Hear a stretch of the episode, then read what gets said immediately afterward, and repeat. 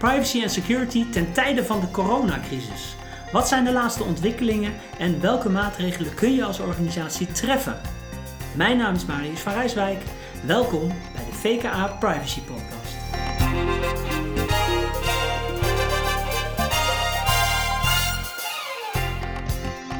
Deze uitzending die staat natuurlijk, zou je bijna zeggen, in deze tijd in het teken van, uh, van de coronacrisis. Maar dan vanuit het privacy en security perspectief. Uh, het is natuurlijk een bijzondere situatie waarin we de podcast opnemen. Hè. We hebben ook, dat zien jullie natuurlijk niet luisteraars, maar gepaste afstand, uh, die anderhalve meter. Um, tegelijkertijd, en dat is natuurlijk een beetje gek voor ons, maar is dit ook wel een feestelijk moment voor ons, omdat dit de 25ste podcast is. En daar zijn we natuurlijk wel stiekem een, een beetje trots op. Um, bij mij aan tafel uh, Manisha Ramsaram. Ja, dankjewel. Welkom. Ik, uh, ik ben privacy consultant bij VKA. Goed dat je er bent om alle uh, vragen vanuit privacy perspectief te belichten. En Martin Zinken. Ja, ik ben uh, security consultant bij VKA en hou me ook bezig met privacy. Goed, leuk dat jullie er beide zijn, want de, de onderwerpen die we willen gaan behandelen, dat zijn er drie vandaag. Uh, dat zijn actuele thema's rondom, uh, rondom privacy, security in het perspectief van corona. Uh, die hebben zowel een privacy als een security kant. Dus mooi dat we die twee expertises hier aan tafel hebben zitten. En waar ik eigenlijk mee wil beginnen met jullie is het nieuwsbericht van de autoriteit persoonsgegevens. Ehm, die de organisaties meer tijd geeft vanwege de coronacrisis. Manisha, wil ik eigenlijk aan jou beginnen van waar gaat dat nieuwsbericht eigenlijk over? Wat is in essentie de boodschap van de AP? Yes, nou ja, allereerst voor de luisteraars. Uh, de autoriteit persoonsgegevens is dus onze nationale toezichthouder. Uh, die zich bezighoudt met het toezicht houden op de Algemene Verordening Gegevensbescherming. En wat zij kort gezegd in hun nieuwsbericht aangeven, is dat ze organisaties meer ruimte bieden. Nou ja, wat dit concreet inhoudt, uh, is dat ze organisaties op dit moment meer ruimte bieden om te reageren op hun vragen. Bijvoorbeeld uh, de vragen die uh, de autoriteit stelt in het kader van hun lopende onderzoeken. Um, daarnaast zeggen ze ook dat ze een stimulans bieden aan organisaties wat betreft de initiatieven op het gebied van volksgezondheid. Nou, zo zeggen ze bijvoorbeeld als voorbeeld dat ze het videobellen toejuichen, maar dat dat natuurlijk wel de juiste passende waarborg erop moeten worden. Um, maar wat ze daarnaast ook zeggen is dat ze natuurlijk uiteraard wel zullen ingrijpen als pri privacy in gevaar dreigt te raken. Oké, okay, maar ze, Manisha, ze zeggen dus niet van nou, je, het maakt niet uit dat je nu nog even niet voldoet aan de AVG. Wacht maar even tot na de coronacrisis. Nou, precies. Nee, dat zeggen dat ze dus niet. niet. Uh, nee, oké, okay, helder. Ja, Klopt, even goed voor, voor organisaties om dat te beseffen. Het is geen uitstel van die naleving van die AVG. Nee. Op een aantal punten krijg je iets meer tijd ja, klopt. en ruimte. Ja, inderdaad. Wat is jouw beeld dan bij, wat, wat, wat wil de AP hiermee uh, mee zeggen eigenlijk? Ja, wat mij betreft geven ze eigenlijk twee signalen af. Mhm. Nou ja, enerzijds onderkennen ze natuurlijk de bijzondere situatie. Dat is ook de reden waarom ze dus organisatie ook uitstel verlenen op bepaalde gebieden. Um, en wat mij betreft, nou ja, is wel te zien, de AP zit wel in de meewerkstand. Ze zijn bereid om mee te denken met organisaties. Ja. En uh, stellen op die manier, wat mij betreft, ook organisaties wel gerust. Oké, dus wat dat betreft een goed signaal, denk ik, voor organisaties. Uh, maar het betekent weer niet dat je buiten de AVG-lijntjes mag kleuren. Precies, Wow, want ja. dat is inderdaad dus het andere signaal. Um, want ze blijven uiteraard benadrukken van ja, privacy is ondanks uh, deze crisissituatie nog steeds van groot belang. En uh, wat dan interessant ook is, is dat ze expliciet ook zeggen van ja, goh, we willen niet dat Nederland toegaat naar een Big Brother maatschappij. En dat is bijvoorbeeld wat je ziet in uh, Azië, dat sommige landen ervoor kiezen om uh, coronabesmettingsgevallen echt kenbaar te maken. Wat Ja, ja. natuurlijk ook weer gevolgen heeft. Ja, want ze worden opgenomen met zo'n camera, zo'n drone.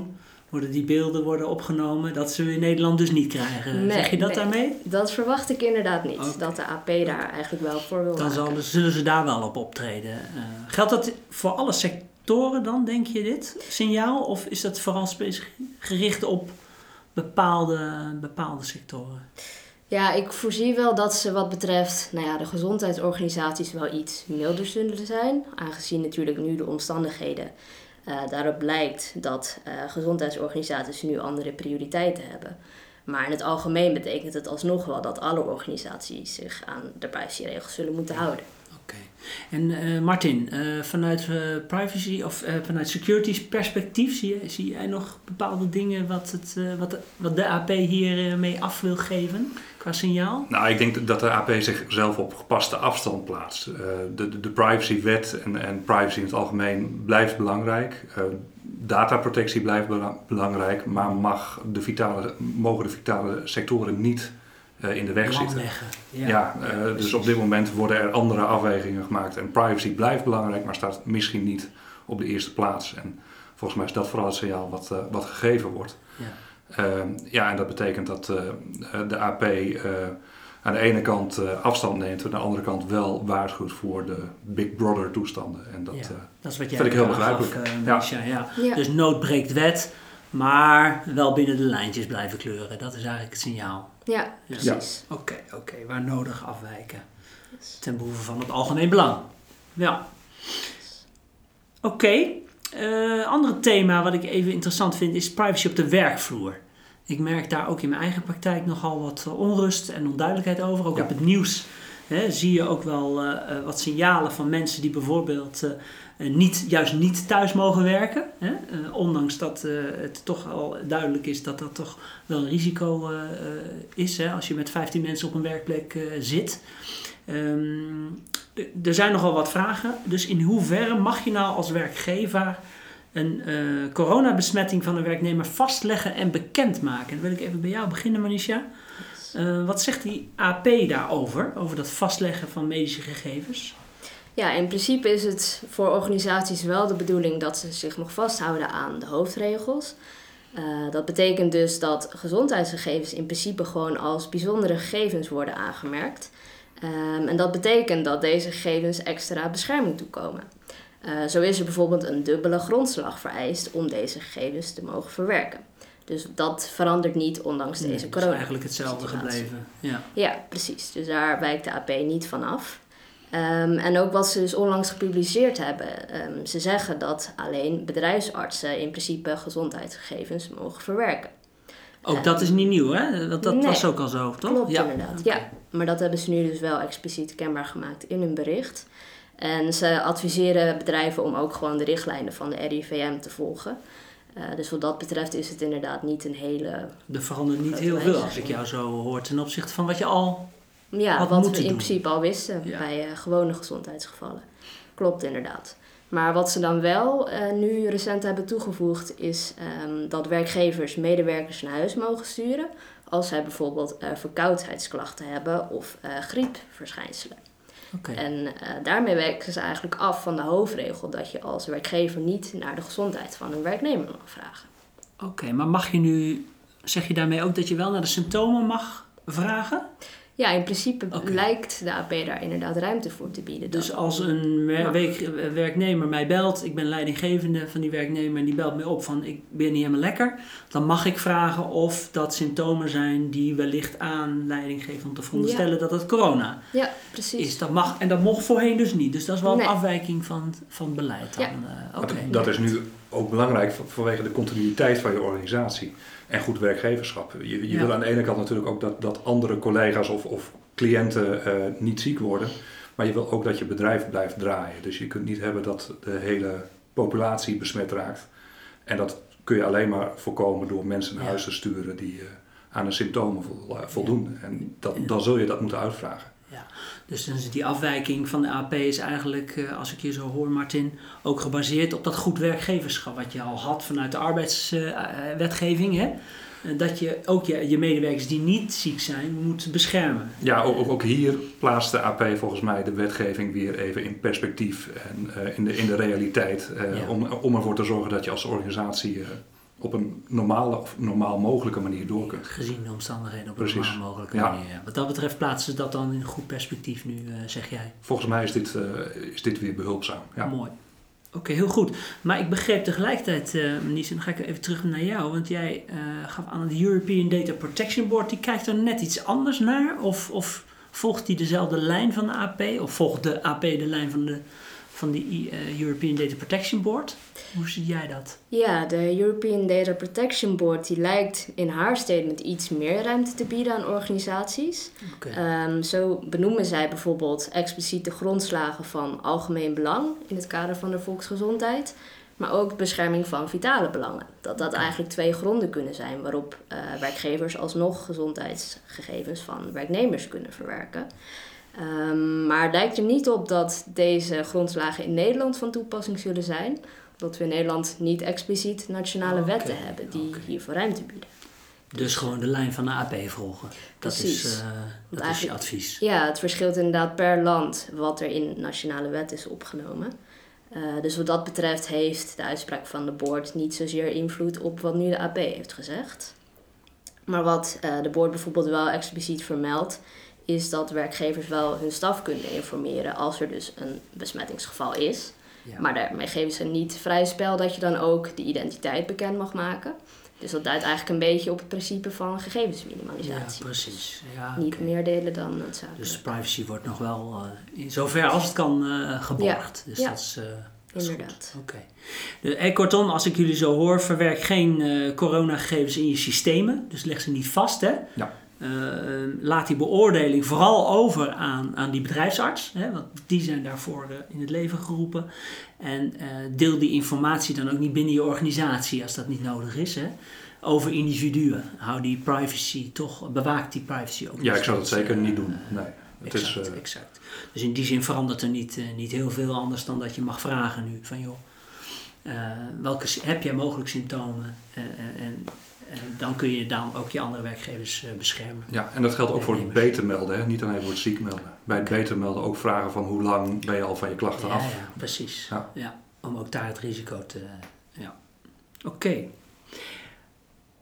Het derde thema vind ik wel interessant, is natuurlijk ook van uh, tips en tricks. Hè? Van wat moet ik nou als organisatie uh, met deze situatie?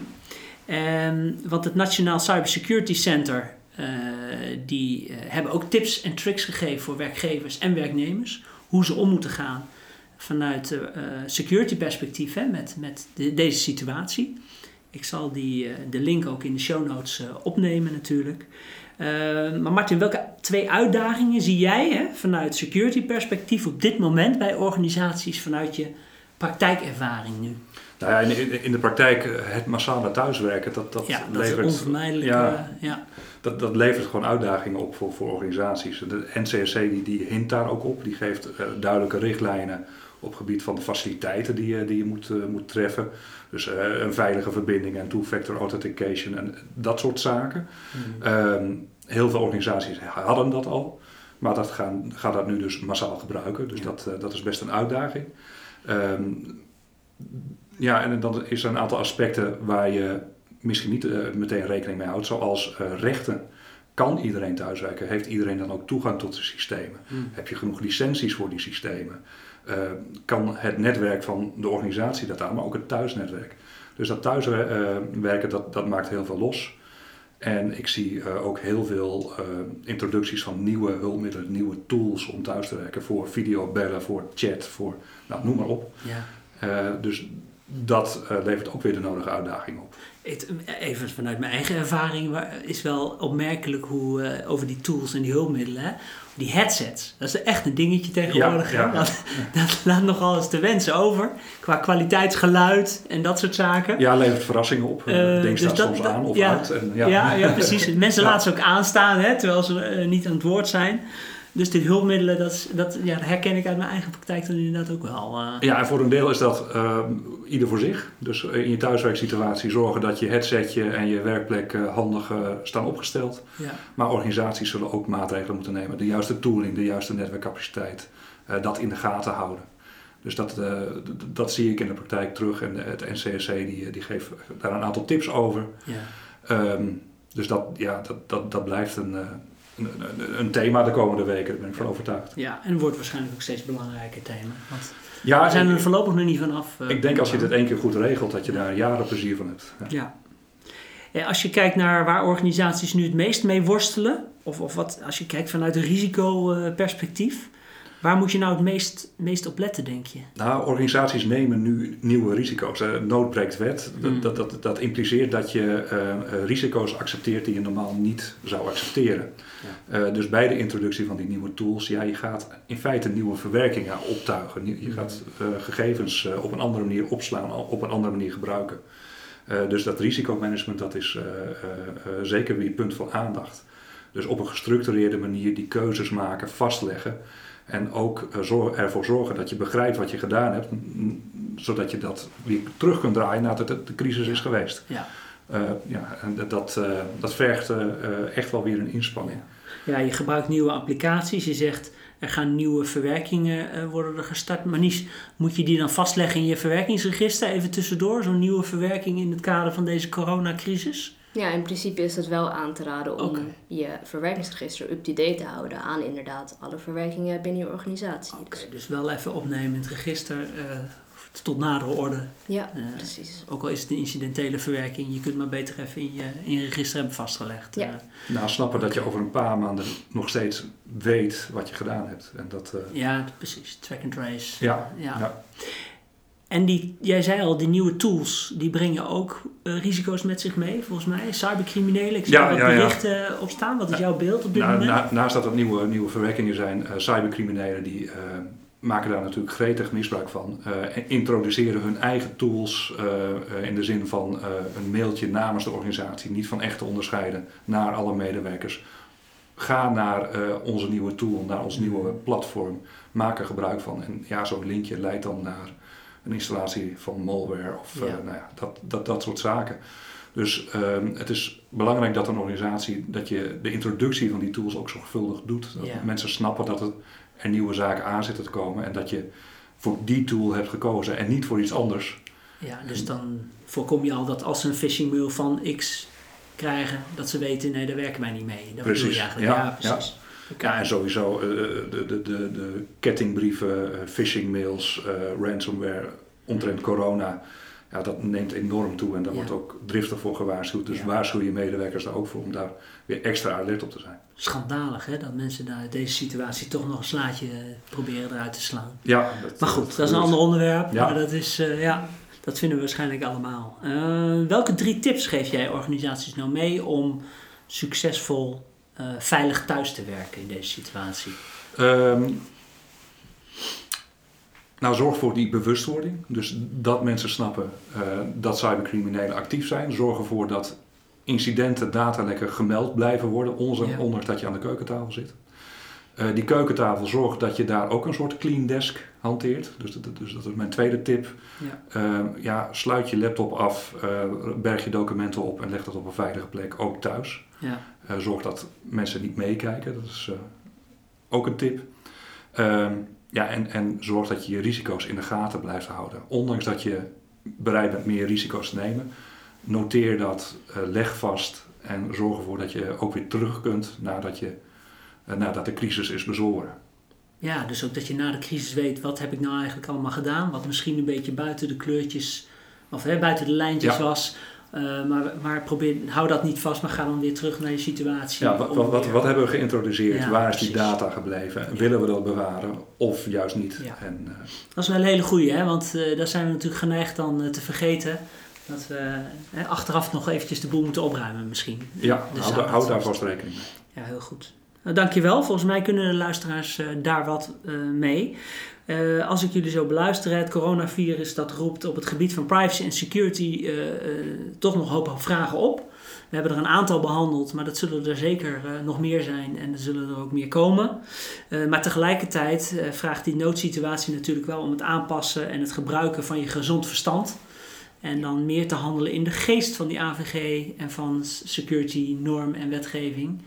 Eh, eh, maar hou dat vast en, en ja, je kunt toch, Laat niet alles in één keer los. laat niet dus alles hou je, los. hou, Ja, hou je hoofd erbij. hou je house cool. Maar iedereen begrijpt dat je nu eh, toch iets anders gaat werken dan eh, Nee. normaal. Ja. Ja. Oké. Nou, dank jullie wel. eh, Martin, dank je wel voor jouw eh, kijk op Ja, het verhaal. En Manisha, ook voor jou vanuit privacy perspectief eh, de dingen belicht. eh, geweldig, dank je wel.